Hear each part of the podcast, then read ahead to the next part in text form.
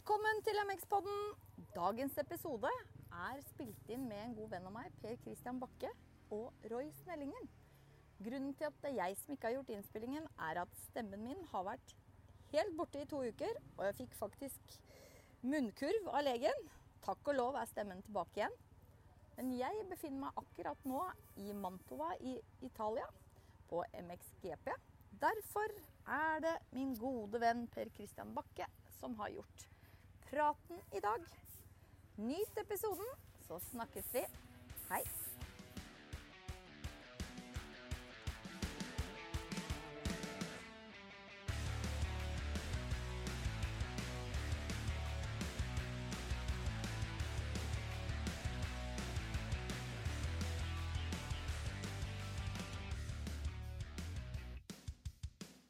Velkommen til MX-podden. Mitt navn er Per Kristian Bakke. Jeg er vert i dag. Andrine hun er på vei til EM i Italia. Så i dag så er det jeg som skal prate. Jeg gleder meg veldig, fordi på andre siden av bordet i dag så sitter det en mann som er eh, Han er vel en levende legende innafor motorsportsmiljøet. Han er kanskje en av de som har flest meritter på to hjul fra Norge. Navnet hans er Roy Snellingen. Velkommen, Roy. Takk for det. Eh, jeg kunne tenkt eh, å få hørt litt eh, Hva er det du driver med nå om dagen, Roy? Nei, nå om dagen så har jeg gått over til eh, støttehjul. Jeg har gjort gjort en elleve års tid, da, hvor jeg jobba med bil. Så jeg er sportssjef i noe som heter Even Management. Kan du utdype litt på rollen din? Ja, vi, det vi gjør da, det er jo å ta fram unge bilsporttalenter eh, og jobbe og trene dem fram. Og kundene våre, det er bilfabrikkene. Så det fungerer egentlig litt som en eh, fotballklubb som har en fotballspiller som de jobber opp. eh, Som de da bruker i, i match og kamp, eller leier ut, eller videreselger. Hva er din rolle sånn i hverdagen på Ja, det Jeg er jo sportssjef, da. og I det så ligger det jo på en måte å lage et eh, helhetlig opplegg rundt eh, utøveren. Eh, har ansvaret for å på en måte eh, utdanne utøveren, da. Eh, vi har jo en filosofi på at vi skal skape kunnskapsrike eh, utøvere som er i stand til å ta stort ansvar for egen utvikling. Så man begynner med å bygge dem opp. eh, og så er det jo å coache dem gjennom konkurranser osv. Og, og så blir det å lage utviklingsplaner og eh, rett og slett jobbe fram det hele mennesket, da. Og i det så inngår det sportssjefsmøter, og det, eller sportsmøter, og det er jobbing med bilfabrikken, og det er masse greier, da. Så det er en sånn helhetlig greie. Er det sånn at du har kontakt med førerne hver dag? Ja, det Man jobber veldig tett. Det gjør man. Så i perioder så har man hver eneste dag, eh, og mange ganger om dagen, og man kan sitte sammen og jobbe om en del ting. Eh, I bil så er det jo eh, Altså rally, da. Det er veldig mye forberedelser også. Det er en konkurranse der, den, den ja, det, tar, det tar egentlig flere uker å forberede seg til en konkurranse, og så er konkurransen ganske lang. Så man bruker faktisk ganske mye tid sammen. Er det Hvor mange reisedøgn eh, må man regne med gjennom en sesong? Nei, Som utøver så kan det bli veldig mye. Altså. Vi førte statistikk på det noen år, men eh, vi, til slutt måtte vi bare lukke øya. For det er, det er mange hundre. Du er på reisefot hele tida. For min del så Når jeg reiser på løp, så er det stort sett sånn fra onsdag til søndag-mandag som, eh, som er for meg, da. Så er det kanskje en Ja, det er ikke så mange konkurranser som i motocross, men en eh, 12-20 konkurranser i året. Kommer litt an. Og så hører jeg du sier det med forberedelser, så det høres veldig tidskrevende ut i forhold til kanskje motocrossløp, da, når man kommer fredags, eh, fredagskvelden. Her er det flere uker også. Ja, det er det det er. Det er jo, du kan si, Motocross er jo også en åpen teknisk idrett hvor mye kan skje. Eh, Rally er jo kanskje 30 mil med fartsprøver, som vi kaller det. Da, det, da jobber du mye med video, du jobber med noter. ikke sant? Du kjører jo på noter. Eh, man forbereder setup på bil, eh, man må kanskje teste bil eh, osv. Så, videre. så det er, det er veldig mye sånn For å kjøre et løp så er det mye forberedelsesarbeid. Jeg tror vi har ganske mange unge lyttere òg. Det er kanskje av de yngste, så er kanskje ikke navnet ditt så kjent innenfor akkurat crossmiljøet nå om dagen, da. Jeg begynner jo å bli gammel, vet så det, det skjønner jeg godt. Kan du ta oss med på en liten sånn reise fra første crossminne og litt uh, veien til der, det, der, du er i dag, da? Ja. Eh, jeg er jo arvelig belasta, da. For jeg kommer jo fra en motocrossfamilie. Og eh, jeg og bror og far, vi har 30 norske medaljer til sammen. Eh, så Da leder du, tror jeg, sånn familiemessig her i Norge? Ja, det, det, jeg tror vi kommer ganske høyt opp i hvert fall. Ja. Jeg har ikke noe koll på det. Men, men, ehm, Så jeg begynte jo å kjøre når jeg var fem år gammel. Kjørte jeg en sykkel som het eh, Bat Baby. Til alle ting. Den har jeg aldri hørt om. Da var det bare å skru av ryggstøtta og gi full gass. Eh, for det var det som fantes den gangen. Eh, kjørte mitt første løp da jeg var åtte år, i Lysekil i Sverige. Det var det de kalte for svartcrossløp den gangen. Eh, så var det jo ikke lov å kjøre motocross i Norge før du var 16 år, og du måtte faktisk ha sertifikat for å kjøre på den tida. Fy fader, nå føler jeg meg gammel. Ja. uh, og så Ja, så jeg begynte å kjøre knattekross i Sverige da jeg var ti år gammel. Uh, så jeg hadde liksom hele min oppvekst der, da. Kjørte der. Så, så blei det EM i tre år, og så kjørte jeg vel VM i syv år. Og så var det stopp. Så var det stopp, ja da, akkurat den stoppen, eh, hva skjedde? Nei, jeg, eh, jeg eh, brakk nakken når jeg var 17 år. Og det gikk for så vidt greit. Det ødela den sesongen. Det var en sesong jeg kjørte EM, og, og var jo selvfølgelig en kritisk fase i, i karrieren. Og så så når jeg brakk nakken, da Så dette var i Tyskland. Eh, og da fant de ut at jeg hadde brekket ryggen tidligere. Eh, så det stemmer jo det, for jeg, jeg sleit jo litt med ryggen. Så, så ja. Hva blei eh, Åssen var den overgangen, egentlig?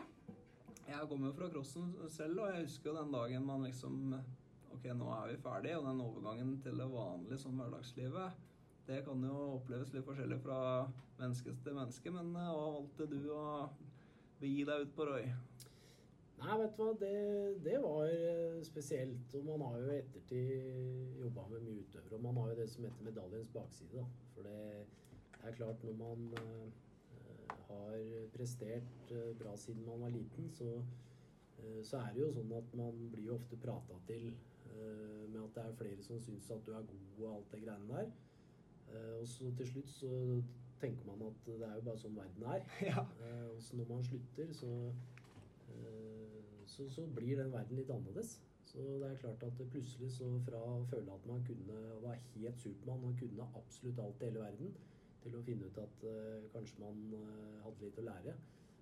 Det var en del nye utfordringer. Så det var faktisk noen år der som var litt tøffe. Som måtte gå noen runder med seg sjøl. Altså finne ut liksom ok, hva, hva videre nå, liksom? Kjenner til den der, altså. Det er veldig Det er jo alt du har tenkt på omtrent, er cross. da, Og våkne hver morgen og tenke på ok, nå, hva kan jeg gjøre for å bli bedre? Og da plutselig våkne den dagen og vite at uh, det er ikke det man nå er det penger inn og litt sånne ting. Det kan være litt overgang, det, altså. Ja, det, definitivt. Altså, det er jo vist at det er mange som uh, altså Det er ikke noe ukjent uh, fenomen i idrett at, uh, at, det er det. Og det er jo det som er heter kaller med, medaljens bakside. Ja. Uh, jeg kjenner deg fra trenerrollen, jeg, da. Ja.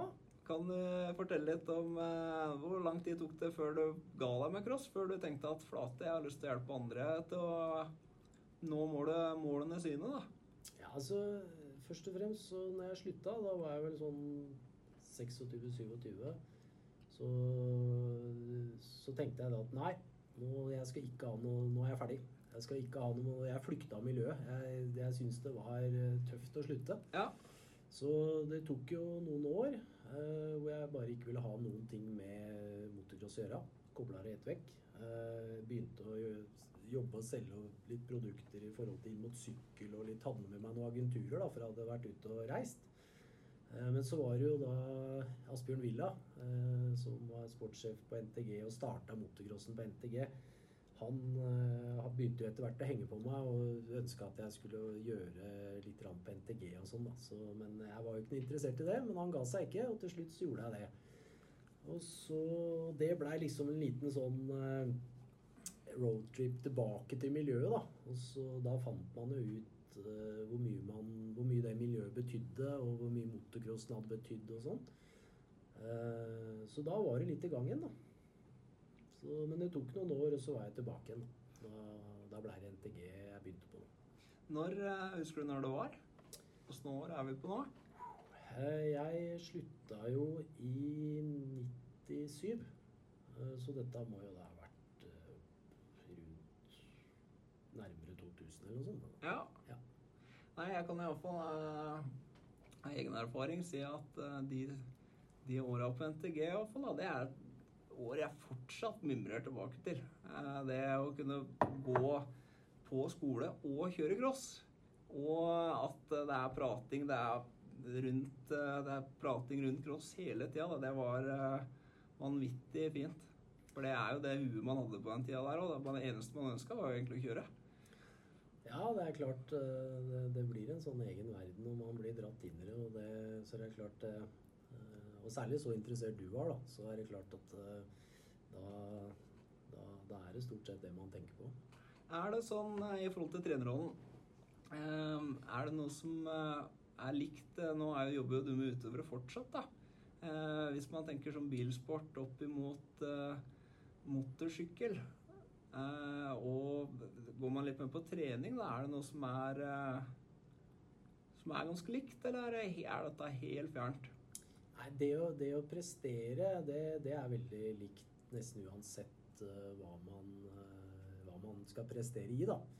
Uh, det er jo egentlig eh, Hva skal jeg si for noe? Du har jo grunnprinsippene, ikke sant. Med, du må jobbe Du har jo bare 24 timer i døgnet. Du må på en måte prøve å utnytte hver dag best mulig i forhold til den aktiviteten du skal gjøre. Eh, man må jo ha kunnskap om det man skal drive. Man må jobbe hardt, ikke sant. Eh, og, og dette med å takle eh, pressa situasjoner, eh, best når det gjelder Altså alle disse tingene her, det er jo Jeg vil jo si det er omtrent eh, likt om du driver med sjakk, svømming, motocross, rally Hva det nå er, så, så, så er det veldig mye likt, da. Jeg må se for meg når- du kommer fra- crossen da, og inn i bilsportmiljøet, så har du jo litt de crossøynene på deg. Eh, og det kan jeg se for meg kan være litt positivt. At, eh, for eh, når man har jobba innad kanskje i et team og i samme sport i lang tid, da, så blir man litt sånn låst til én måte å gjøre ting på. Eh, fikk du, var det noe du kunne ta med deg fra crossen, eller? Som, eh, absolutt. Altså For det første, motocross er jo for meg det råeste man kan drive med. Altså eh, Supercross er kanskje det som ligger hjertet mitt aller nærmest. Eh, så det er klart at eh, det å kunne gå inn i bil, særlig den gangen for 11 år siden, 11-12 år siden som jeg gjorde det, så jeg så jo at det var mye å gå på.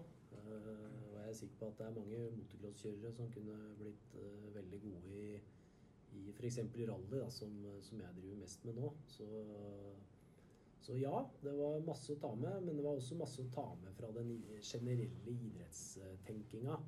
Så, så det var det. Men det er klart eh, Når du driver med cross og driver med det, og du, du, du kommer på et visst nivå, så skulle du være rimelig hard. så Det er klart eh, Du sitter ikke i bur når du kjører cross. nei. Eh, Det gjør du når du kjører en bil, selv om rally også kan være tøft når du kjører oppe i fjella i, i 150 km og det er stup ned på alle sider. Så, men, eh, men jeg vil si hele bakgrunnen fra idretten og den erfaringa man har fra motocrossen med å jobbe hardt og systematisk og sånn, definitivt kunne ta med seg ting inn, inn i bilverdenen. Jeg husker, eh, husker faktisk tilbake til ene Eller hver mandag nesten etter det hadde vært crossløp på NTG. Eh, Da satt man alltid i, i klasserommet, og så plutselig begynte man å nesten spy opp grus fra lørdag. Eh, og det ble litt sånn kontrast for eh, håndballjenter og de som er i sjakk som gikk i klassemål. da. Så det er ingen tvil om at motorsport, og spesielt motocross, det er knallhardt. Mm. Husker da steinsprut og da kom hjem fra noen sånne jordbaner i utlandet og sånt. Og så jo helt herja ut. Ja. Eh, crossbaner, eh, Roy, du har har kjørt på ganske mange. Har du noen favoritt? Er det noen som virkelig stikker seg ut? Den råeste dagen på cross noen gang? Ja, altså Der jeg kanskje sitter igjen det, en, en bane som jeg syns var utrolig kul, da, som jeg har gode minner fra, det er faktisk Kaposvar i Ungarn. Eh, veldig bakkete bane, og det var der jeg Der vant jeg også en EM-runde. Eh, så det Jeg holder en liten knapp på det, men det er jo så mange fine baner. Eh, du har liksom disse klassiske europeiske, ikke sant. Som er fantastiske. Og så har man jo da, når man drar til USA, så har man jo disse fantastiske, fine banene i type California, Florida og, og sånn, med flotte hopp, ikke sant. Store hopp, kombinasjoner, alt det der. Men eh, skal jeg, skal jeg velge én bane, så tror jeg kanskje det er Kaposvar i Ungarn. Her er Åssen underlag er vi på nå? Jordbane, eller? Ja, da er vi på jord, men eh, det er ikke noe sånn fransk-italiensk jord. Nei. Eh, litt mer I hvert fall halve banen var litt mer, litt mer sandjord. Åssen gjorde de på Harva dem og sånt i forkant, eller kjørte de eh, lot de mannen stå til løpet? Det var litt forskjellig, for jeg kjørte der eh, egentlig litt forskjellig Jeg kjørte der en del ganger, da. Så eh, stort sett så var de veldig flinke til å, til å, til å preppe og harve litt og sånne ting. Men, men det var jo røft, da. Det var jo det. Det var veldig røft og dumpete. Og, men jeg husker spesielt én gang, så, så et år vi var der, så var, Da kjørte vi VM der, faktisk. Eh, Og da, da støva det. Og det var et sånn kjempesvært plattehopp som eh, var liksom eh, foran der alle publikum var. Og da, da støva det så fælt, og det var på første runden. Så jeg husker at vi putta på det som var av gir, og vi så ingenting. Og så bare visste jeg at det var sånn ca. tre sekunder fra bort til det der hoppet der, og så var det bare å holde seg fast alt man kunne. Det var et sånn scary moment, altså. Det var jo Du, du hørte jo bare rundt deg eh, at alle holdt. Så det var jo bare å holde. Ja, være med på laget. ja, ja, så jeg husker liksom jeg tenkte at ok, det er bedre å treffe noen i ryggen enn å få noen i ryggen sjøl. Ja. Altså det ble sånn der eh, overlevelsesinstinkt som man hoppa på. Så det var litt begge deler. Men eh, stort sett veldig bra. Har du kjørt på noen Er det noen løp som det har vært Du har kommet på banen og bare lurt på at Skal vi kjøre her, liksom? Er det noen Ja, det har jeg. Eh, dette var i eh, ca. 150 år siden. Da gikk det en EM-runde i Jugoslavia. Allting. Eh, og det er første gang jeg har vært med på at et motocross har blitt avlyst. Eh, og da Det regna så fælt. Og så var det en bakkete bane. Eh, og jeg husker da når tidskvalen begynte, så, så var det da eh, fire stykker som kom rundt på første runden, eh, og ingen andre. Og så tok de da og dro bånd over, og så sperra de av den ene bakken. Og fortsatte å kjøre den av tidskvalen, da, enda de hadde jo tatt bort eh, omtrent 20 sekunder. Ja, ja, mer. Eh, og det det endte med Jeg husker jeg sto nede i gjørma der, og da var det ingen som kom rundt. Og da, Jeg husker jeg hadde førstegir og full gass. Eller for, for det som skjedde først, det var at det, det var så stikk i gjørme, så alle, alle mista buksa. Buksa oh, ja. Alle dro ble dratt ned, så de hadde buksa ned på knærne hele gjengen. Og så husker jeg jeg sto i møkka der eh, og hadde full gass på førstegir. Og prøvde å Men det, det, det var så stikk i gjørme, så du, du klarte ikke å spinne hjulet rundt. Så det bare wop, Så bare sto det. Eh, og da husker jeg da eh, gamle mekanikeren min da Norm, han kom, han hadde en sånn svær dekkspak, og så begynte han å grave på sykkelen. Og til slutt så var det jo bare å gi opp. Men da tok han dekkspaken, og så tok han bare og dunka til tanken, og så slapp han den. Og den dekkspaken den tror jeg var en eh, halvmeter lang, altså den bare satt fast på tanken. Så, og han som leda EM da, det året der ble jeg vel fem i EM, tror jeg. Det var første, første sesongen. Andre sesongen, for jeg ble ti første året, og så ble jeg fem andre året. Uh, ja. Med sølv til slutt? Ja. Uh, så ja, det blei det. Så det var Leon Gies Nei, unnskyld, eh, Chiodi som, som vant det året. Giesbu ble tre. Uh, Nei, så det, det er Og til slutt så måtte de avlyse. Jeg husker da det var Paulo Evangelista, en italiener, som leda mesterskapet det året. Jeg husker han lå i gjørma. Eh, og da, da, da passerte jeg den, for jeg klarte jo noen runder på den korte banen. Da lå han og grein. Og lå sånn der som en sånn liten unge som ikke ville inn til tannlegen. Så lå han sånn og sparka med beina og armer og lå og grein nede i gjørma. For han så jo at denne medaljen den kom han aldri til å ta. Men det blei avlyst. Det ble avlyst til slutt, Ja, det er det første og eneste crossløpet jeg har vært på som har blitt avlyst. ja. Jeg tror jeg har vært på ett eh, løp. Det var faktisk junior-EM i Italia. Det var jeg og Jan Olav Luneske som kjørte der. Eh, og da, da regna det så jævlig i andre hytte at uh, banemannskap reiste. Så de til slutt bare satte ut målflagget i, i bakken der. Og, så, og da måtte vi bare kjøre inn, da. Og der var det sånn at du kom litt samme bane som du nevner, med mye opp- og nedoverbakker. Og kom etter platåpå. Det var så mye vann, du visste ikke hvor er resten av banen. Du måtte bare se for deg et uh, tegn langt borte der, da. Så den eh, nei, Men eh, den pleier jo å kjøre i all slags vær som regel, da. Ja, det er, eh, det er mange ganger man har kommet og tenkt at dette går ikke. Men det blir jo stort sett alltid gjennomført. da. Ja, det gjør det. Så, Er det noe Du har kjørt mye sykler opp igjennom. Har du hatt noe sånn skikkelig sånn åh, den sykkelen der er det Det var Grom-sykkelen. ja, det, man har hatt noen av dem. Altså, jeg jobba jo tett med Eivind Bojesen i, i mange år. Og Eivind var jo eh, Fortell gjerne litt om han. Jeg tror ikke alle er oppdatert på hvem han Eivind var. Ja, nå er det jo blitt eh, en firetaktsverden stort sett, da, innen uh, motocross. Men eh, han Eivind var jo fra Oslo her. Uh, Flytta over til USA når han var 17 år, med, mener jeg husker. Og så starta han da eh, Han var interessert i motorsykler, men han, han er mest kjent for disse reed-ventilene. Uh, Boysen Reeds. Yes. Yes, så han uh, flytta bort til USA og bosatte seg i Pennsylvania, og så blei han der borte, da. Og, og han har masse patenter på, på motorer, og han, har, han hadde til og med patent på en hestesko som hestene løp fortere med, husker jeg. så han var en smart mann, da. Men ja, han, han lagde noen skikkelig vasse motorer. Eh, og jeg husker ett år i VM. eh, da sesongen. eh, og da kjørte vi Tsjekkia. Og det eh, Når jeg kjørte 125, da, så jeg veide sånn 78-79 kilo. Og da begynner det å bli tung på en 125, da. Eh, og da eh, Da starta vi i bånn, og så var det en lang bakke opp. Og da husker jeg, da tok jeg starten med den sykkelen, og på det tidspunktet der Dette må jeg ha vært i Jeg vil tippe 95. vil jeg tippe. 95. Kan, ja, 95 var det nok. 1995. Ja, 1995, ja. Eh, og da, da hadde jeg faktisk den raskeste motoren av alle. Da, det, da, det var raskere enn fabrikksmotorer og alt. Men så blei det jo Dem utvikla jo sånn gjennom sesongen, men første halve delen av det året der så hadde jeg den raskeste 125-motoren. Oh, det er en deilig følelse å ha med seg på banen. det. Altså. Det var helt vilt. Det er fint. Ja. Merker jo det litt sånn på, spesielt på kvaler og sånt, når du ligger bak folk og hører lyder og hvor eh, respons eh, det er på sykla. Eh, dette her er jo totakstida. Mm. Eh, kjørte du noe 250 totak sånn på ethvert år? Ja, jeg eh, gjorde jo det.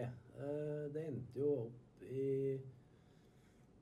Ja, det var 6 97. eh, var vel det siste året jeg kjørte. Og da kjørte jeg 250, eller det som er MX1 i dag, da. eh, VM. Eh, sammen med Dag Boyesen, som var sønnen til Eivind.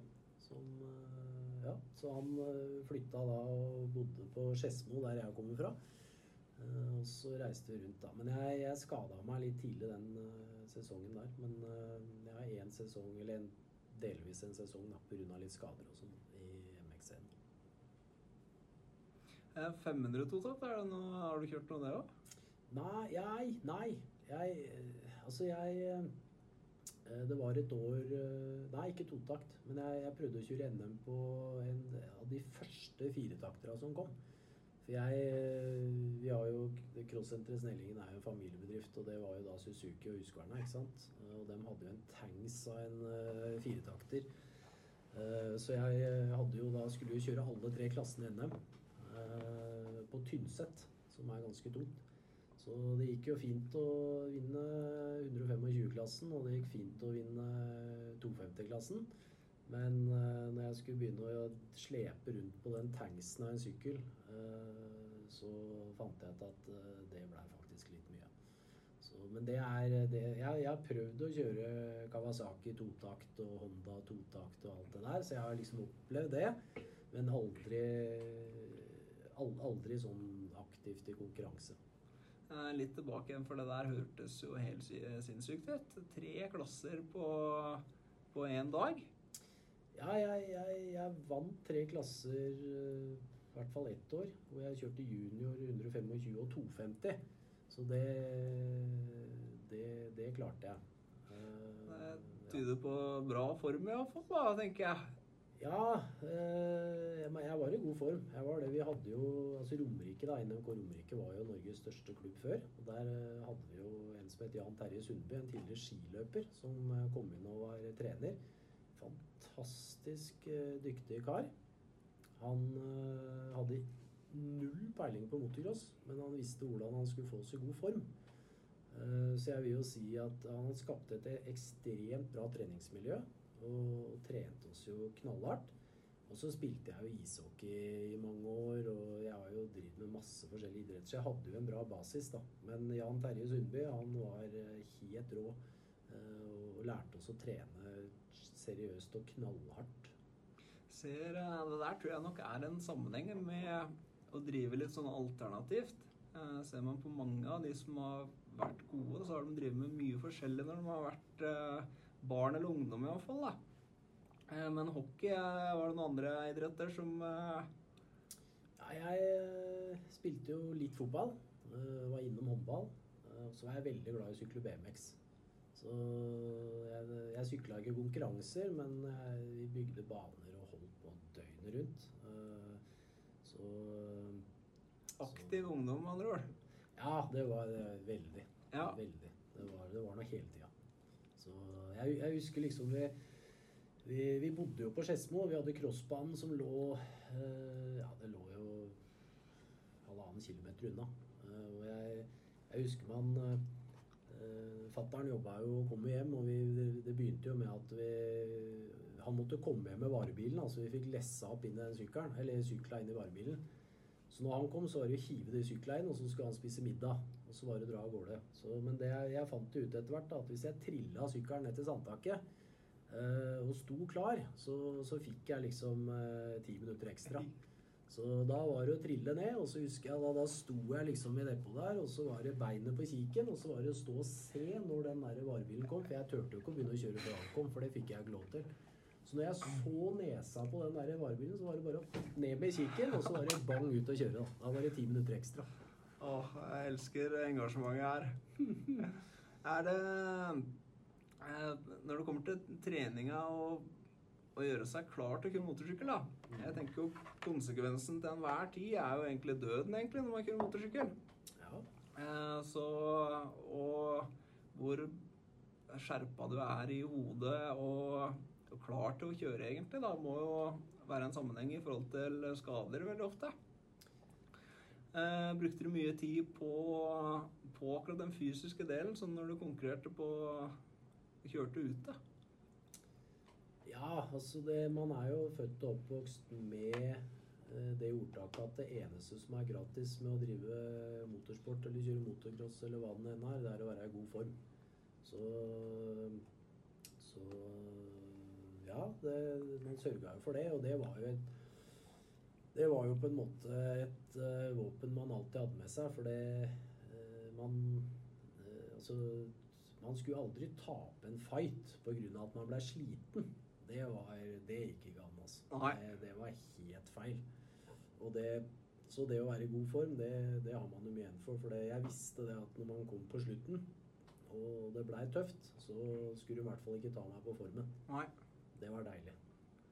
Ja, det er en fin følelse. Da begynner å plukke på siste runden, og to runder skilt er opp på full tenning. Ja.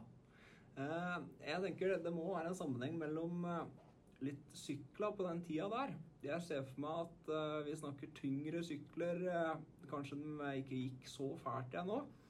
Eh, og jeg ser på, på bana, det virker som om før så lot den banen være mye mer Ja, det var ikke så mye prepping etter eh, treninga igjen, da.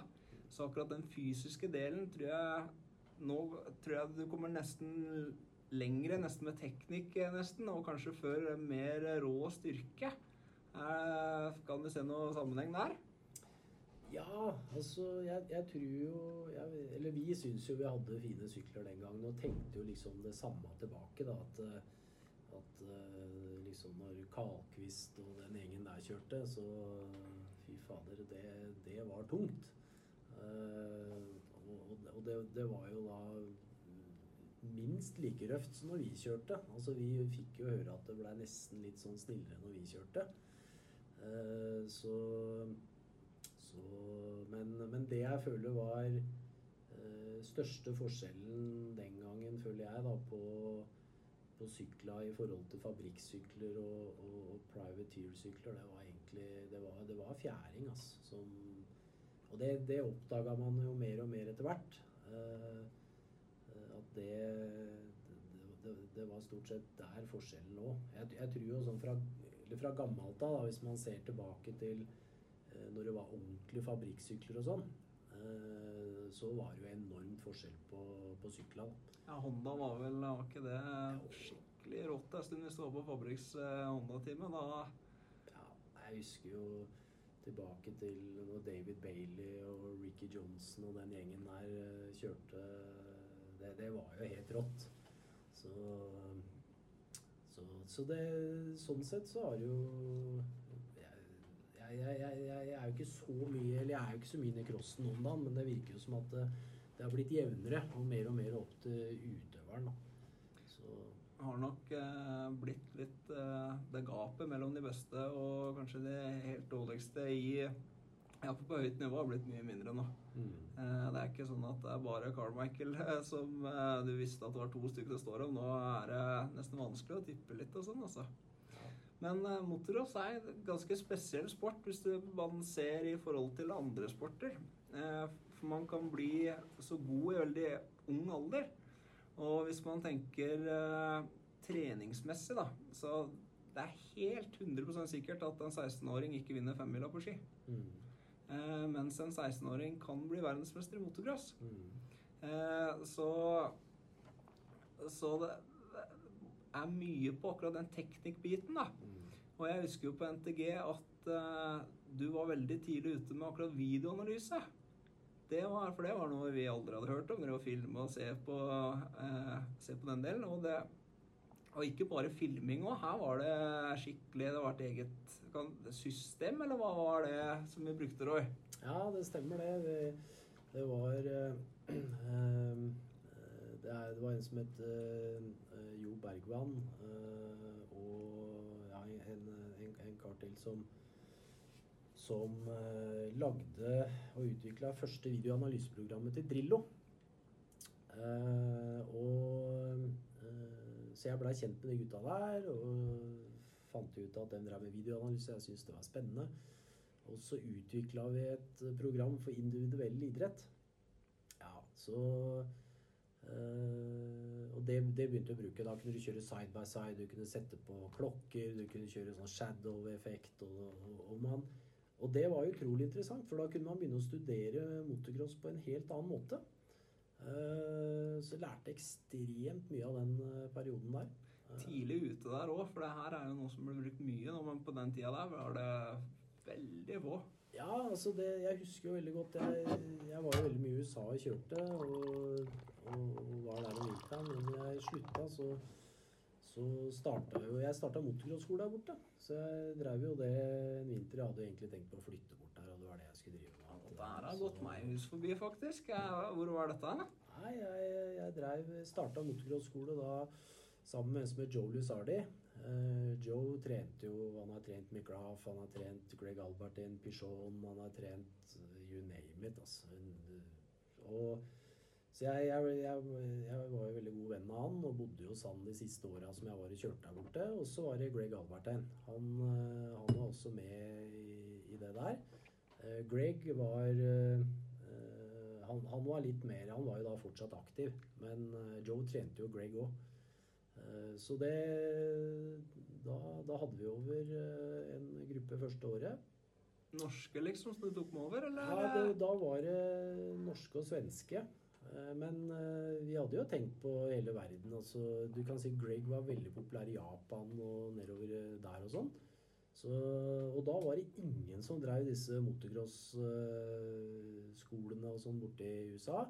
Og tanken da var jo at vi skulle ha, drive med videoanalyse, ha fysisk trening gjennom Joe. Han drev jo fem eller Fitness-sentre der borte. Og hadde jo det proffe opplegget, ikke sant? Som jeg er sikker på ja, det er, det er, jeg, jeg, tror nesten ikke det er Det er ikke så mange som matcher den ideen den dag i dag. Nei, nei. Men uh, så dreiv det et år, uh, og så fant jeg bare ut at uh, Nei. Det, det, jeg ville ikke mer.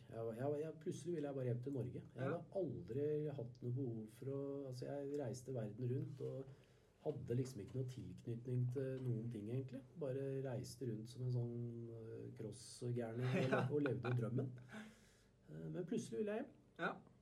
Og da, da, ja, da kasta jeg håndkleet. Og så reiste jeg hjem. Og så blei det ikke noe mer av det der. Da ble det NTG, eller? Jeg er glad for det, Norøy.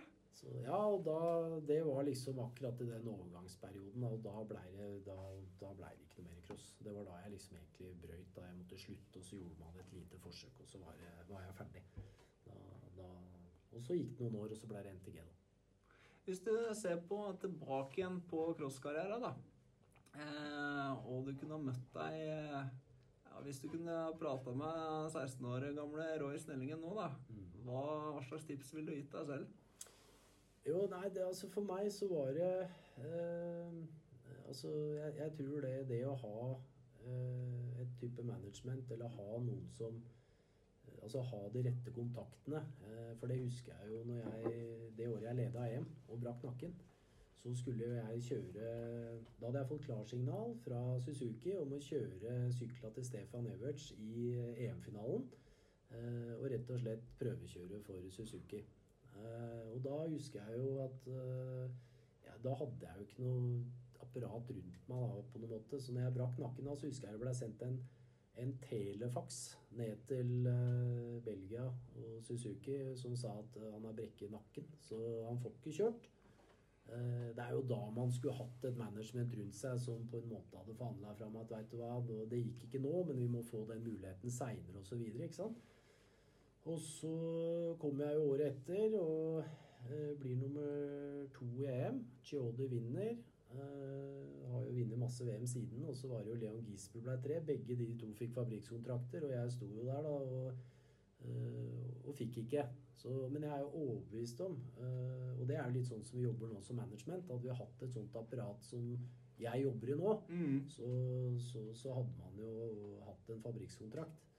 Uh, så, så det, jeg, det er det jeg kunne tenkt meg gjort annerledes. Men jeg har aldri sett meg tilbake på det, for det, den gangen så hadde jeg ikke det. Nei. Men, men det, det, som alltid har gitt meg en god følelse, det er at jeg føler at jeg alltid har gitt 100% det beste jeg kan. Og det øh, gjør For det er veldig mange som har spurt meg sånn ja, som kjenner historien, da, som sier ja, du var jo så nære, og det var sånn ja, og sånn. Ja, jeg har egentlig aldri tenkt noe særlig på det. For det, jeg, jeg, følte jeg alltid gjorde mitt beste, og det var tilfredsstillende. Og, så det er spelt melk. Det er ikke noe vits i å bruke noe tid på det, for det skjedde ikke. Eh, hvis man setter litt sånn i perspektiv her nå Disse som du konkurrerte mot, jeg går ut fra at det her er fabrikksførere som i EM, liksom, 125-klassen? Ja, når vi kjørte EM, så var det jo det, det, var jo ikke så mye fabrikker inne der. Chiodi, han, eh, det året han vant, så hadde han fabrikksykler. Ja. Eh, Så han var jo den som eh, hadde det beste utstyret, men han var også den beste sjåføren. Så 144 kubikk òg, eller? ja, det, han blei jo tatt med det. Da. Han tok jo alle starta, så han lå jo aldri nederst i en, eh, i en startkrasj, for å si det sånn. da. Nei. Men sant skal sies, han var den beste sjåføren. Ja. Men det er klart man, Han også kunne jo ha gått på en smell, fått en skade, fått noen utfordringer, men men eh, det er jo flere som sa som, Men jeg, jeg brukte ikke så mye tid på det. Altså, for jeg følte at han Han eh, Ja. Han, han, var, han var for så vidt en verdig vinner. Hva tenker du hvis du ser litt på Det har skjedd litt på sykler, og eh, du er jo kanskje mest kjent med totakt og sånt, da, men den overgangen til firtakt Hva tenker du det var positivt for, for motorsporten, egentlig? da?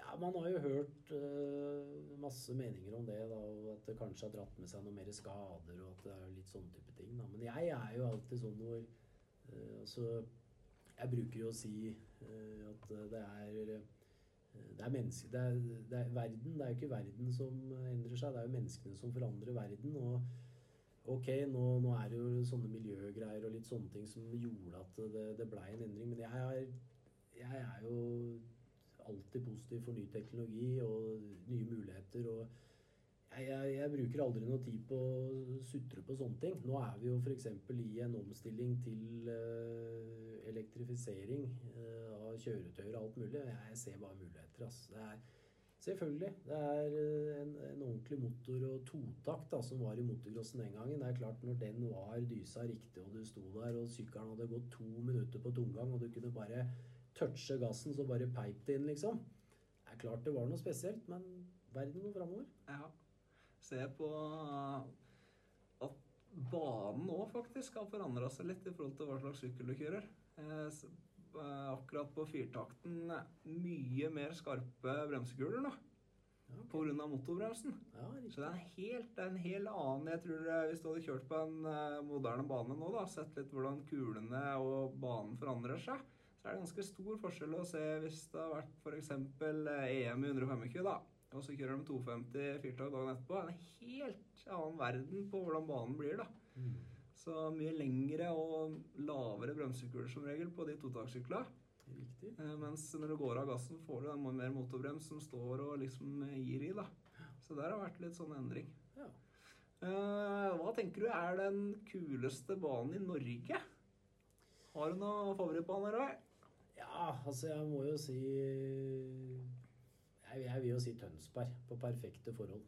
Uh, man har kjørt der noen ganger som hvor det liksom bare Det har vært maks feste og ikke støvere. Og eh, altså Når den banen har vært på topp, så Så, så det, det, det, Den er rå.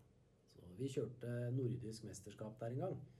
Uh, og da Det, det, det var det, det er det kuleste løpet jeg har kjørt i Norge. Da var det sånne forhold. Da var det nyarva og Åh. også fuktig i jorda. og Ja, ja, ja. Det var helt magisk. Det er vel kanskje den banen som ligner mest på det man møter uh, ute.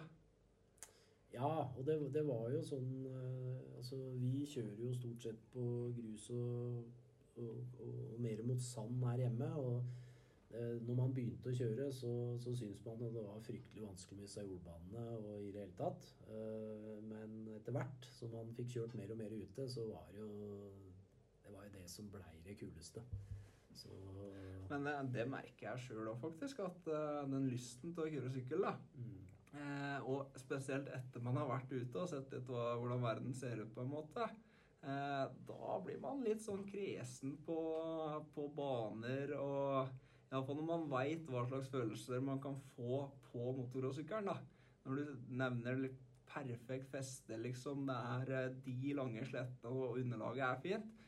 Og da komme på litt sånn støvete baner og ikke Var på Kongsberg i fjor og kjørte en tur, og da spurte jeg om de hadde preppa, og da Nei, de hadde, de hadde preppa på dugnaden i fjor, da. Så det bare Så det er ingen tvil om at sånn, mot- sånn glede, iallfall for meg nå som jeg har lagt opp, liksom, da søker jeg nå litt de banene som gjør eh, for, å få den godfølelsen man kjører, da. Ja. Nei, det, jeg er enig i det. Og det øh, Hvis jeg skulle kjørt Eller jeg, jeg veit at hadde jeg bodd i California, øh, og de banene der hadde ligget liksom rundt øh, husvegga, med de forholdene og alt det der, så tror jeg da hadde jeg ikke klart å ikke kjøre motocross. Nei. Eh, så For det er, det er jo helt magisk. Man får masse mestring, og det er gøy, og det er hopp, og det er baner fra alle nivåer, og det er liksom Det er jo magisk. Er helt eh, Og det å se de eh, som står og vanner, at de står og vanner sånn rundt hele banen, og når du kommer kjørende, så bare tar de vannslangen inn, da. Alltid perfekte forhold. Så er det jo da Der borte kan du ha en pickup og hive sykkelen på, så kan du kjøre tre-fire ganger i uka, vaske den én gang i uka og bytte toluftfiltre. så, og så er det klart, liksom. En, eh, det merka vi litt på at én time på en crossykkel i Norge og én time på en crossykkel i USA, det er ganske stor forskjell, altså. Ja. Treffer du litt sånn dårlig den dagen du reiser på Lunder og det har regna litt, og sånt, og du har med en klessny sykkel Det ser ut som om det har gått 100 timer når du har kjørt 15 min. da. Mens i USA så kunne man eh, ha en sykkel, og den så helt strøken ut når du har kjørt 100 timer. Ja, og det, det er jo av at det blir så enkelt kaldt, kan du si, å vedlikeholde og drivere, og du trenger liksom Det er fint vær og sånn, så Og da er det mange som Det er, det er mye lettere for mange, da, Ja. å, å, å drive med det. Så, så det er klart eh, Men det er jo en utenlandsidrett vi driver, og det når man er aktiv og sånn, så er det jo kult eh, med forskjellige eh, underlag og vær og vind og alt dette greiene her, da. Så, men eh, nå så foretrekker jeg det gode været. Og jeg ser jo på, hvis vi tenker litt på USA igjen, at det med å skape den derre At det er gøy å cross, da, jeg ligger jo veldig mye på akkurat banene. Og jeg, ser noe de kunne ha tatt med eller, til Norge, er jo faktisk det å endre banen litt oftere. Der endra de jo banen etter annenhver uke omtrent. Enten snudde den, eller at de gjorde sånne små endringer, da. Mm. Og, men det tror jeg er litt vanskelig i Norge. Jeg vet Det er noen banegodkjenninger og sånt nå som må gjennom, tror jeg. Ja, og så er det vel litt sånn eh, Sånn som eh, Altså selve jordmonnet og sånn, da. Ja. Ofte så bygger man opp hopp med stein og Ikke sant, for å Så det, det, det å endre på i hvert fall en del av banene, da, det er jo også mye vanskeligere. Uh, sånn som i California, så er det jo som å bygge modell, modell, modelleier, ikke sant. Og det, det er jo så enkelt. Ja, Så det er jo bare å fyre bulldoseren og kjøre en runde, og så har du ny layout, liksom. ja det er helt sant. Men det er eh, iallfall akkurat det med harvinga og sånt. Altså jeg ser i det med, og da tenker jeg litt på publikum sin del igjen nå. At hvis du reiser på for å se et motocrossarrangement, motocross-arrangement, eh, så forventer man litt sånn action, at det er mye kniving og sånn.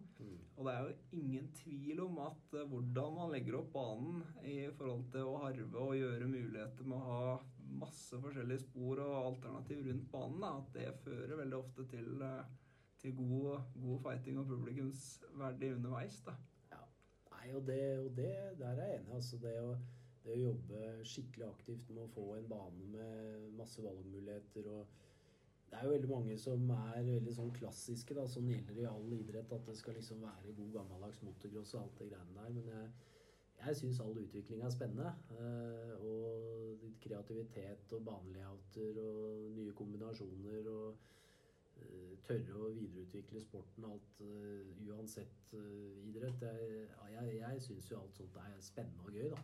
Eh, så kreative baner, tekniske momenter, flere lines. eh, alt det der, det er tommelen opp fra meg. Jeg syns det er kult. På, du har nevnt på supercross litt før, eh, før i dag. Det, har du vært innom og kjørt litt på Har du vært på noen baner eh, sånn underveis når du satsa? Ja, jeg eh, har kjørt Anheim Supercross et år. Eh, Så jeg har kjørt Paris-Bercy, og jeg kjørte VM på Ullevi eh, i supercross. Ja, det er vel kanskje det, de største løpa. Hadde jeg skulle gjort karrieren min på nytt, da, så hadde jeg sikta meg mot supercross og kommet meg til USA fortere enn svinn. Så for jeg, jeg, jeg, jeg blei liksom introdusert for supercross og alt det der eh, i, i litt for eh, Altså, jeg skulle vært enda yngre. Eh, For det er, det er noe som er fordel å starte med tidlig. Ja. Så, og det var jo sånn Jeg kjørte jo Altså jeg kjørte jo Golden State og sånn i USA, og kjørte jo mot flere av de amerikanske mesterne der borte, og, og, og klarte jo å slå dem på motocross og sånn, faktisk. Jeg husker når jeg dro til USA første gangen. Da, da var jeg 16 år. Og da reiste man ikke fra Gardermoen, da reiste man fra Fornebu. Ja, ikke sant? Eh, og da var det ikke snakk om å ha noen mobiltelefon på lomma, for da måtte du ringe sånn derre Norge Direkte for å ringe over. Eh, og så jeg, jeg blei jo da Det var jo eh, Men jeg kjørte jo motocross, og det er klart eh, eh, Supercrossen den prøvde jeg meg på først litt seinere, eh, egentlig. Og, men da hadde jo disse amerikanerne kjørt supercross i mange år allerede. ikke sant? Så på motocrossen så klarte man å kjøre om kapp. Og jeg elska jo de banene med godt feste, hvor det passa min kjørestil veldig bra. Så supercross passa meg jo egentlig bra. Ja. Men det var jo bare at man skulle starta med det tidligere, da. Uh, så Og så tror jeg vi glemmer litt at, eh, at er man ung nå, da, så er det veldig lett å Man har jo tilgang på mobiler og, og veit hva alle gjør rundt hele verden. Åssen var det? Åssen kom det over Supercross og egentlig noe input der, egentlig? Er det magasiner, eller er det noe ja, altså- VHS-kassetter, kanskje? Ja, man har jo noen sånne favoritter, som noen sånne utslitte VHS-kassetter fra gammelt av. eh, som man har sett en million ganger, altså. Eh, og det var jo eh, Det var jo helt Man så jo egentlig Altså, det er klart det var jo mye David Bailey og, og Ricky Johnson og, som, som var hotte. Og, eh, og fra barndommen så var det jo Håkan Karlquist, eh, selvfølgelig, som var grom. Og så Ja, så det, det begynte jo med det. det, det absolutt, altså. Så han blei helt besatt. Åssen fant dere ut hva slags eh, løp man skulle kjøre uten internett og sånn, egentlig? Åssen eh, Ja, nei, det, det var altså min connection til USA. Det var vel egentlig gjennom faren til Andreas Mikkelsen, som, eh, som jeg jobba med i rally. Uh, ja, de kjørte litt motocross. Han hadde en datter som het Katrine, og så brukte de litt motocross. Lang historie kort, da. Så han eh, hadde jo bodd i USA og sånn. eh, og hjalp meg litt og sånn. Og så, så sa han Det begynte jo med at jeg egentlig hadde en sykkel som ikke gikk bra nok. Og så spurte han hvorfor har du ikke en sykkel som går bra. Nei, det er liksom det vi har, da. Så, ja, men du, må jo, du kan jo ikke kjøre med den. Så la meg se hva jeg kan gjøre, sier han. Så tenker jeg ha-ha, han kan jo ingenting om motocross, så det er jo bare å glemme. Så, men jeg tenkte han var jo hyggelig og sånn, så jeg tenkte ja, ja, det er snilt av deg, liksom. Så, men det han gjorde, han ringte jo til Pat Alexander, som var eh, teamsjef i Suzuki den gangen, da, i USA. Og så prata han med han flere ganger, og sånn, da, og så kom hun tilbake. da, og Så sa han eh, liksom eh, Ja, nå drar vi til USA. Jeg, nå har jeg ordna motorer, tror jeg. Så nå må vi ta med to motorer, og så må vi dra til USA. tenkte jeg. Nå kødder du, liksom. Og det jeg husker vi gjorde da, det gjør du ikke i dag. Da skrudde vi to motorer, tok dem med på håndbagasjen på flyet og dytta i hattehylla. Og så reiste vi da over, og så blei vi da introdusert for R&D Racing, da. Eh, Glenn og Glenn og Dean eh, Dickinson, da. Eh, Faren het Rudy, gammel ringrev. De jobba da med utvikling av Suzuki og sånn, og så kjørte jeg da for dem. Og det, det glemmer jeg aldri. altså Den gangen da så var det ikke mange europeere som var eh, der borte. Jeg, jeg var vel egentlig da den eneste som kjørte liksom Golden State og sånn. Så, og det, det glemmer jeg aldri. Dem, eh, da var jeg 16 år. Dem, eh, de møtte meg på flyplassen og fikk teamet og greier. da, Og så dro jeg på skulle kjøre på Glenn Helen, første løpet. Jeg skulle kjøre to klasser, da. Det er rett på løp, det er ikke noe trening. Og det Nei, det, det var, vi testa litt på et sånn lite område, bare. døgnvill og Døgnvill ja. Og dro da på det løpet. Og da husker jeg kom dit. Jeg, det var så mye førere. Jeg, jeg fikk helt sjokk. Det var jo 700-800 utøvere på det løpet, ikke sant? Eh, to dagers løp, da. Og jeg skulle jo kjøre pro-klassen. Og det var jo masse folk man hadde bare lest om, ikke sant? Som hadde Det var liksom eh, Du hadde Mike Healy var jo der. da. Han, han kjørte jo VM det året. Ble nummer to eh, i, eh, i MX1, da. Eh, og det var Buddy Antones, og det var eh, Ja, det var masse, masse av disse man hadde hørt om den gangen, da.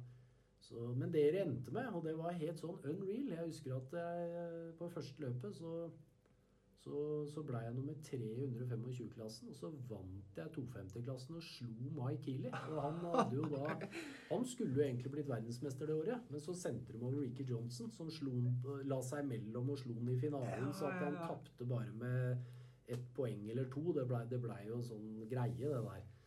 Eh, Så, så han reiste jo over der, og da, da husker jeg Cycle News, som er liksom den største avisen, eh, motorsykkelavisen i USA, var i hvert fall.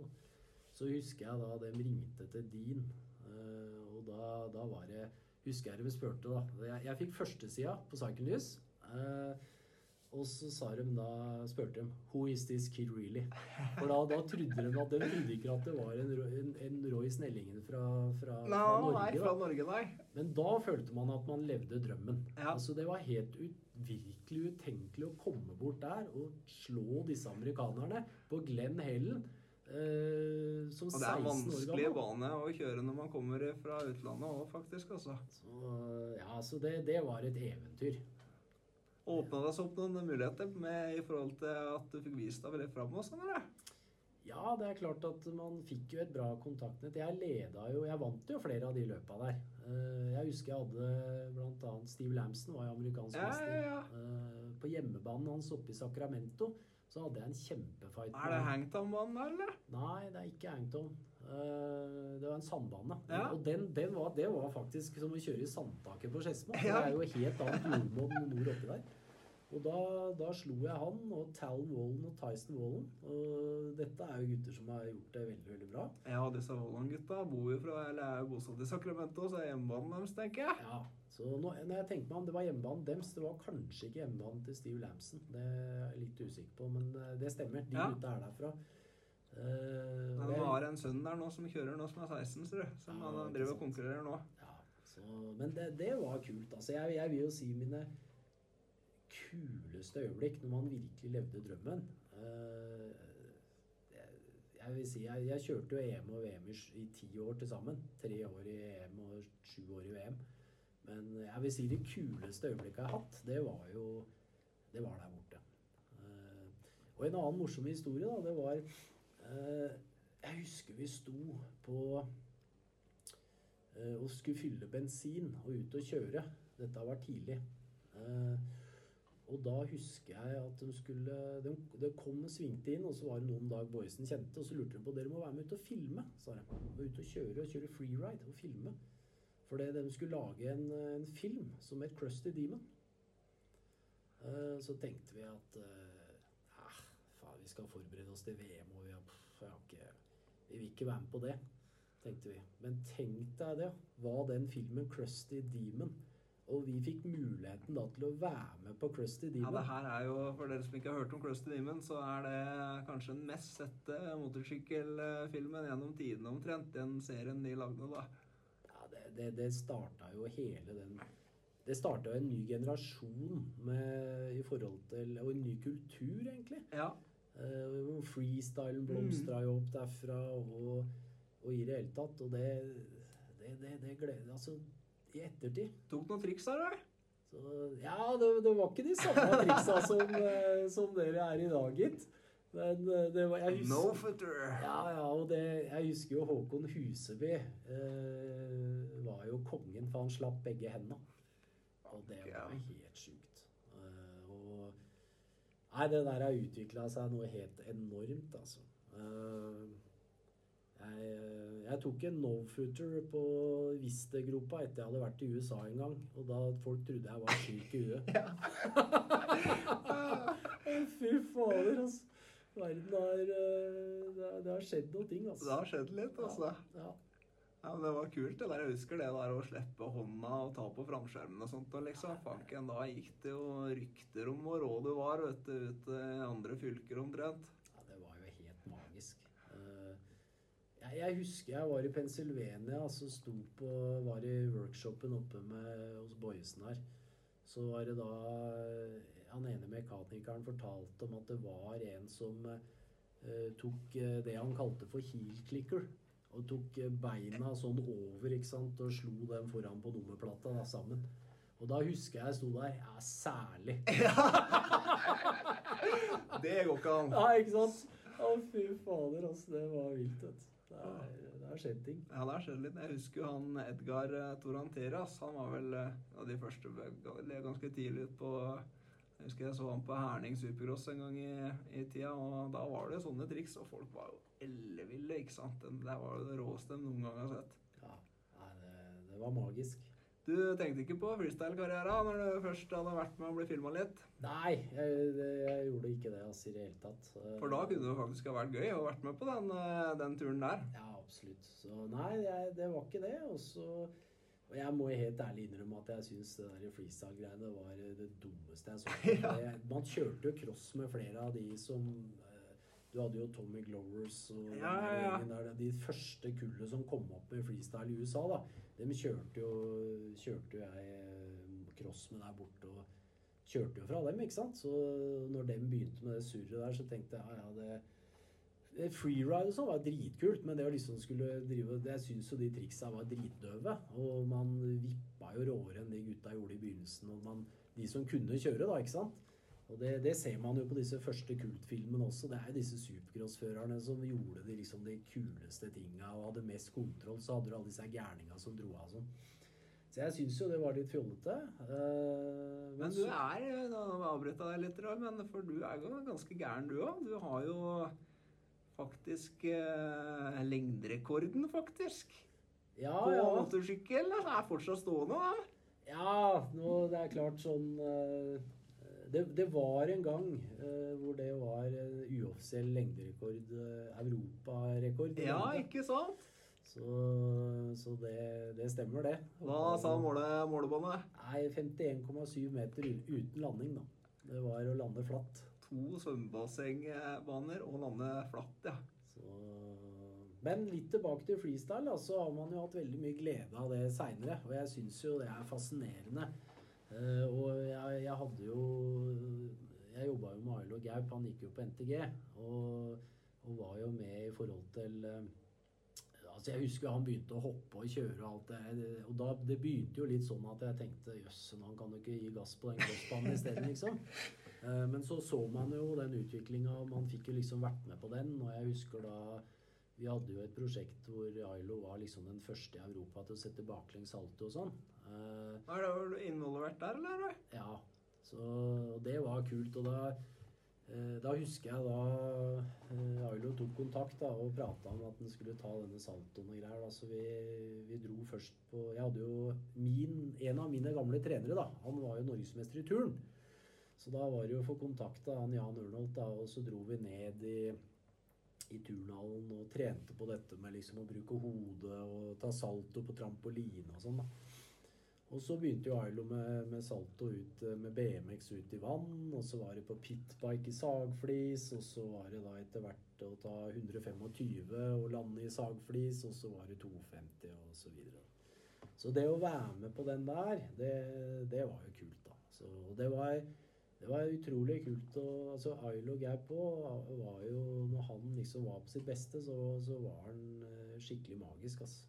Han eh, eh, jeg, jeg har vært med han eh, på noen konkurranser og sett hva han kan gjøre, og eh, det, det har vært heftig. Han er en tusenkunstner på motorsykkelen, han ingen tvil. Ja, så jeg glemmer aldri når han, eh, det året, det ene året hvor han vant VM, hvor han hadde, han hadde knekt en del bein i knoken, altså i hånda, og, og han skulle kjøre i Riga, og han, eh, da tok han kontakt og ringte og var litt rådvill, da, så fikk vi da lagd en sånn protese til henne og greier, da skulle kjøre. Eh, og så var målet hans egentlig bare å komme gjennom de dagene for å liksom få noen poeng, da, så han fortsatt hadde muligheten til å, til å kunne ta tittelen. Og etter første dagen da, så, så, så kjører han jo veldig bra. Får jo teipa opp hele kroppen. Han var jo helt sønder og sammen eh, teipa. Så ut som en mumie omtrent.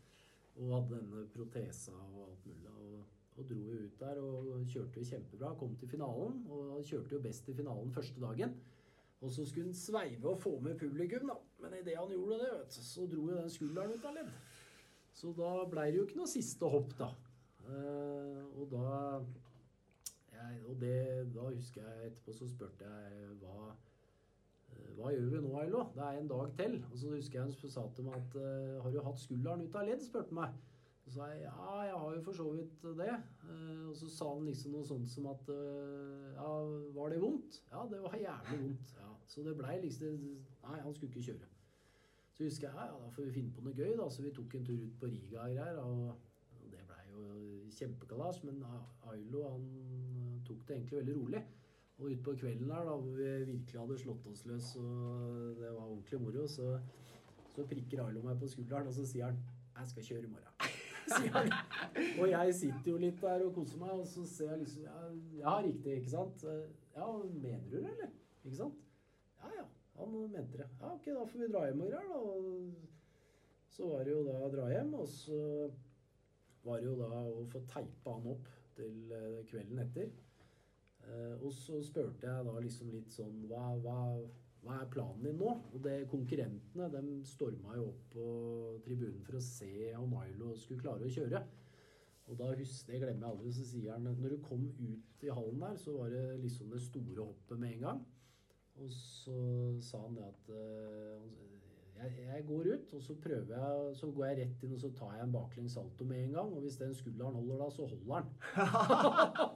og jeg glemmer aldri han, eh, Konkurrentene satt oppe på tribunen, og når han dro inn der og tok den baklengs saltoen og landa den, så gikk alle ned. Og så vant den siste kvelden. Og så vant den jo VM det året. Så det, det var dritkult. Men Flate, jeg har ikke du tatt backflip du òg, Roy? Jo, jeg, jeg, tatt det ut i sånn skumme, Ja. skummegrop. Ja, du var tøffere enn meg. Jeg turte ikke det å ta noe baklengs da. Ja, ja, ja, ja, der ser du. Der ser du. Og det stemmer, det. det. Det var kult, eller i hvert fall for meg, da.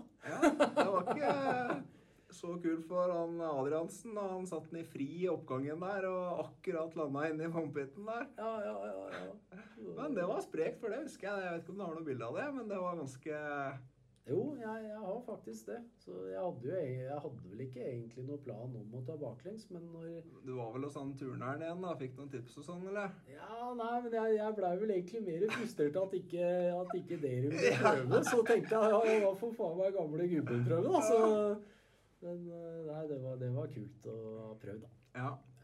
Nei, det var jo sjelden eh, når vi gikk på NTG at du kjørte cross, men det hendte jo en gang at du slang deg med. Og det husker jeg alltid var jævlig kult. da. Og vi ble like overraska hver gang over farta. At det var uh, Flate kan sitte inne i bilen og ikke For da var du ikke så aktiv som du kanskje er nå. Men uh, med en gang hjelmen kom på hodet, så Og det der med å kjøre baklengs Det er vel du, du må være den eneste i verden som får til det, Roy. Ja, det er vanskelig, ass. Nei, det er vel det er sikkert mange som gjør det nå, men jeg husker tilbake i tid, så var det ikke så mange som gjorde det, i hvert fall. Det jeg har ennå ikke Jeg har hatt en del sånne kurs- og treningssamlinger, og alle har fått den oppgaven. Ennå ikke sett noen som har fått til det. Så det vi snakker om nå, er å sitte baklengs på motorsykkelen og kjøre. Nei, men jeg, jeg tror litt av det som som Altså, man hadde jo kjørt, og man hadde jo eh, en, på et eller annet tidspunkt kjørt fort, men jeg tror eh, man har gått og sett på så mye motocross da, etter jeg slutta å kjøre, og så visualiserer man jo masse, ikke sant. Så man, i hodet så kjører man jo masse. Så jeg tror jo det Jeg klarte jo ikke å kjøre fort i to-tre runder, og så var det jo på en måte slutt. Men det var jo Man, man hadde jo jobba så mye mentalt med å jobbe med andre utøvere. Så, så det var jo noen ganger jeg egentlig blei overraska over meg sjøl. For jeg, jeg kjørte jo aldri, og så kunne jeg sette meg på sykkelen og dra på med noen bra runder. Eh, men det, det var mye mentalt. Mm. Altså, man hadde jo jobba mentalt i hodet hele tida, og det, det forteller jo litt om den mentale kraften man kan ha med å rett og slett jobbe mentalt. Eh, men eh, det gikk jo bare to-tre runder, og så var det slutt. Ja. Men eh, akkurat den mentale biten er litt morsom. Jeg husker flere skader jeg hadde, uh, sånn femukersskader. Og bare lå på sjukehuset og visualiserte. Kjørte runde på runde på runde på runde. Mm. Og så satte man seg på sykkelen igjen, og så hadde man faktisk kunne man perse med beste runde til, liksom, etter å komme rett ut fra skade, da. Så det er den, eh, den visualiseringsverdenen og sånt, da, der er det noe. Absolutt. Det er kjempespennende. Så den Altså, det jeg bruker å si, da, det er øh, skal, Altså, skal du bli skikkelig, skikkelig god Altså, Den beste måten å trene på, det er underbevisstheten. Mm. Ikke sant? For det, hvis du virkelig, virkelig vil noe her i livet, så begynner det, det er siste du tenker på når du legger deg. eh, Det er det du ønsker å bli god i. eh, Og det første du tenker på om morgenen, det er det du ønsker å bli god i. Og hvis du gjør det, så får du faktisk da trent hele natta, for det er underbevisstheten den jobber hele tida. Og jeg er helt overbevist om det etter å ha treffet veldig, veldig mange gode utøvere fra forskjellige grener. Så er det det at eh, skal du bli skikkelig god, så må du ha med deg det mentale, og ikke minst underbevisstheten som jobber for deg om natta. Eh, Det er magisk når man ser det skjer, og det merker man nå i voksen alder også. Hvis det er noe man virkelig vil, så begynner man å drømme om det om natta. Mm. Og da skjer det ting. Det, det der er spennende. Eh, og det, det ser man jo. Jeg har jo hatt utallige som har kommet og ønska å bli verdensmester i motocross eller bli kjempegod i det ene eller andre. Eh, men, men det derre den derre intense ønsket om å på en måte bli skikkelig god for Fordi alle ønsker jo å bli god. Ikke sant? Jeg ønsker jo fortsatt å bli verdensmester i alt i hele verden. Jeg, jeg, ok, nå er du selvfølgelig for gammel, men, men man, man har ikke den den persen på en måte til å legge ned alt det arbeidet som skal til. Det er andre ting som betyr noe i livet og i det hele tatt. Da. Så, så det, det er spennende. Det mentale er ekstremt spennende. Underbevisstheten er ekstremt spennende. Uh, og så er det da, som jeg bruker å si, det der med å uh, du, du må ville dø for det, rett og slett. Skal du bli skikkelig god. Uh, og det er helt ekstremt hvor langt et menneske kan presse seg hvis man må. Og det, det er litt sånn eh, Det er helt utrolig hvor fort du kan få en totalt utslitt mann til å løpe hvis du begynner å skyte rundt beina på ham. Da kommer han seg stort sett på beina og løper ganske fort uansett hvor sliten han er. Så det er noe spennende. Det er, det er mye spennende. Eh, sånn, eh, sånn sett med, mot morgendagens helter, da, Roy. Du har jobba med utøvere, og som utallig mange utøvere òg. Kan du nevne noen av eh, Kan du nevne noen av de du har jobba med gjennom åra? Noe som skiller seg ut litt? Ja øh, Man har jo vært igjennom mange og egentlig litt forskjellige grener også. Jeg vil jo si øh, Man har jo hatt flere som har vært øh, gode til å kjøre cross i Norge. Og man har hatt mye morsomme opplevelser med, med det. Eh, eh, av dem jeg har trent, så eh, jeg, jeg, jeg, vil si en, kanskje en av de beste opplevelsene Ja,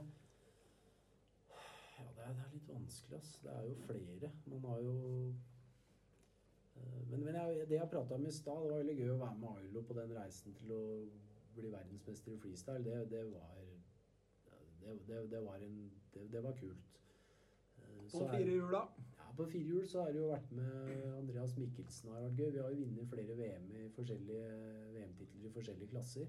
Men det er klart, eh, reisen med Andreas Mikkelsen fra å være amatør til at vi klarte å komme oss oppover i systemet og bli fabrikksfører og, og, sånn, så ble det jo tre, tre tredjeplasser i VM da, i store klassen. Eh, Det også var ekstremt kult. Så, men av motocross så er det ja, det vi, vi har jo Jeg hadde jo alltid en drøm om å prøve å skape en verdensmester i motocross. Det, det klarte man jo ikke. Og så er det jo sånn med all idrett at det er jo person, person, person, og så kommer opplegget uansett. Mm.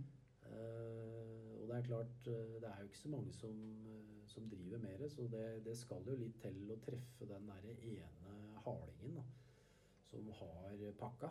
Eh, og så må man satse. Motocross er en åpen teknisk idrett. Du må begynne tidlig. Du må Ja. matche deg tidlig. Eh, jeg mener veldig mye nå Det er liksom Du må ha gjort en enorm jobb før du er 16 år. Eh, så Det er litt det jeg ser på ganske sammenlignbart med snowboard og skikjøring når det kommer til triksing. mm. For der òg snakker vi jo De har ikke noe kondisjon i det hele tatt. Det er klart de har litt sånn styrke fra kjøringa, sånn i core-styrken og den delen. Men, men der har man òg mulighet til å bli veldig god i ung alder. Mm. Eh, Der ser man jo 14-åringer som vinner X Games mot 30-åringer igjen, da. Så det er veldig mye teknikk på akkurat den biten òg. Ja. Nei, jeg, jeg husker jo f.eks. godt uh, James Stewart, Bubba, når han kjørte 65 kubikk uh, i Florida. Uh, når vi var der og kjørte den der vinterserien der borte, f.eks. Eller Ricky Carmichael på, på, på, på 105 kubikk, blant annet. For de kjørte jo det er Ja, jo stemmer sånn superminiklasse. ja, superminiklasse og sånn. Så jeg Når man så det der nivået som var den gangen der, eh, i ung alder Det var helt eh, Det var helt enormt, altså. Det var, det var helt vilt. Eh, Bubba av på 65, det var jo helt magisk, ikke sant. Det var, det, det, det var vilt. Jeg husker eh, jeg bodde litt sammen med Ken Roxen og kjørte med han eh, når han akkurat hadde startet på 250 firtakt. Og det husker jeg det var så tungt å se han som var 40 kilo med de små jentearmene og, og beina og sånn, og så kjørte han rundt oss også. Eh, og det var helt tydelig at det her var liksom spesiell gasskontroll. Det å kunne kjenne underlaget og, og putte på gir og rulle og ha med seg moment videre igjen, da. Det var trenbart i ung alder, og man trengte, trengte ikke å være så sterk for å få det til, da. Men eh, klart, kom du på sandbaner og sånt, da, så gikk det jo sakte for han. Men eh, det er mye å gå på teknikk og akkurat den sykkelfølelsen på ulike baner, altså. Ja, og det, det å se utviklinga i, motocross tilbake til Bob Hurricane Hanna, det var jo han som jeg føler starta den nye kjørestilen. Med å på en måte ha overkroppen i fartsretning og den gangen arma opp, da, som kanskje ikke er så viktig i dag, men den gangen med den dårlige fjæringa og sånn. Og så, så kom jo liksom Bailey. Eh, og da snakka vi liksom om å bruke buken og rotere overkroppen, ikke sant. Og hvordan man hadde føttene på fothvillera og alle disse tingene, ikke sant. Det var jo Det var helt rått. Men jeg, jeg føler jo det var eh, Bob Hanna som, som starta eh, revolusjonen innen teknikk i motocross. Mm. og amerikanerne leda jo utvilsomt an eh, på den tekniske sida, men de kjørte jo også baner som krevde mer teknikk. Eh, så du hadde jo de europeiske banene, det krevde jo masse det verden, altså, men det var jo dumpete, og det handla jo om å kjøre spor, og, og det var hardt og glatt og alt dette her. Eh, men eh, Bob Anna og David Bailey, dem har vært viktige for utviklinga av motocrossen.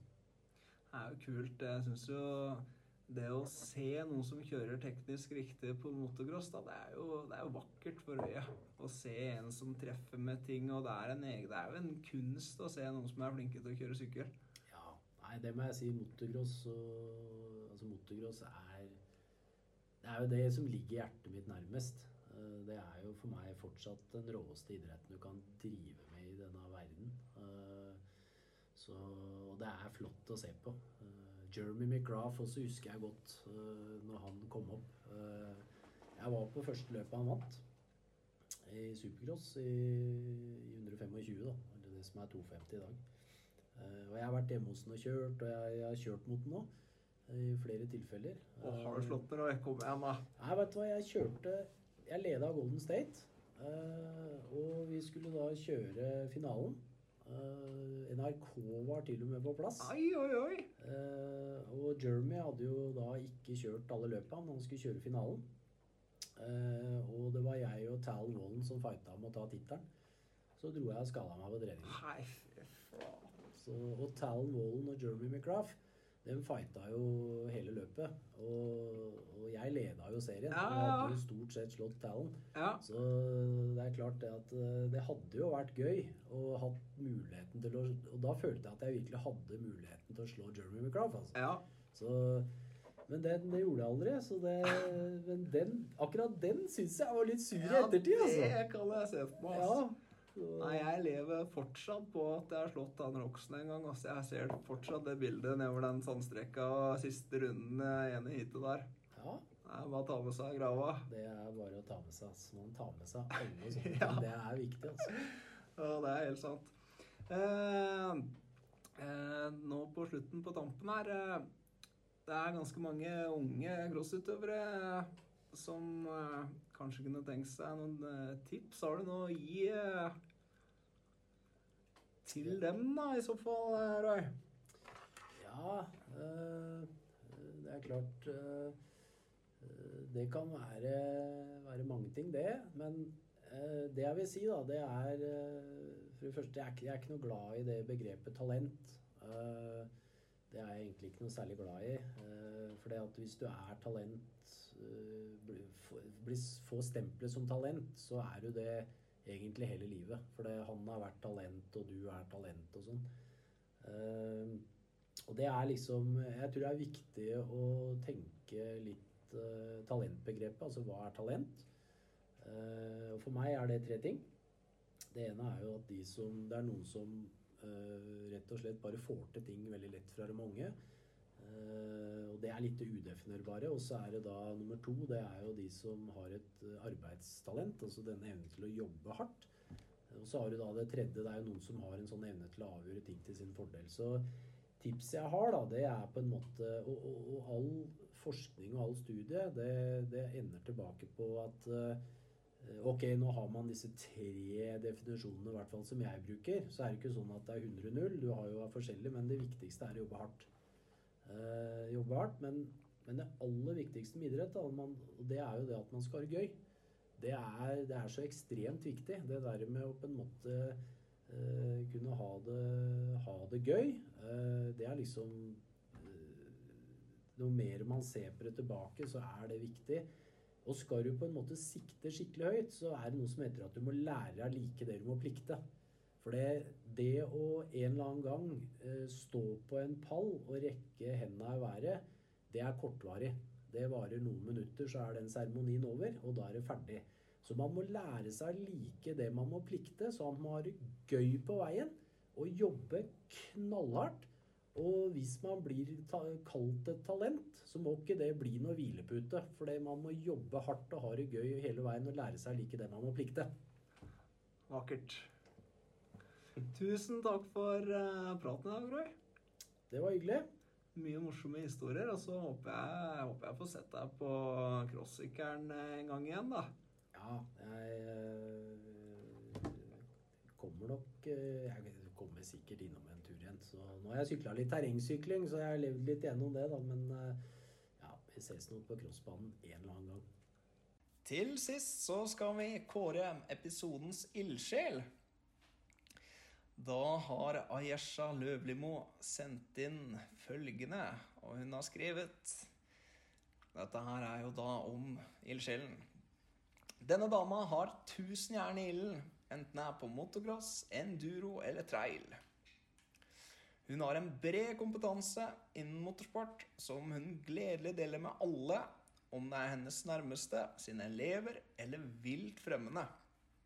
Hun gir rom og plass til alle andre, og jeg er sikker på at det er mange der ute som kjenner på stor takknemlighet for hennes store hjerte og engasjement i idretten.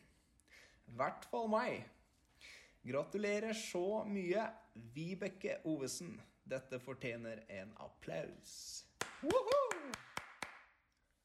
Hun uh, får da tilsendt en uh, MX-podden caps. Hvis du har lyst til å oppfordre andre som har noen som stiller opp for seg, så kan du nominere en ildsjel ved å sende en e-post til post alfakrøll mx-podden.no.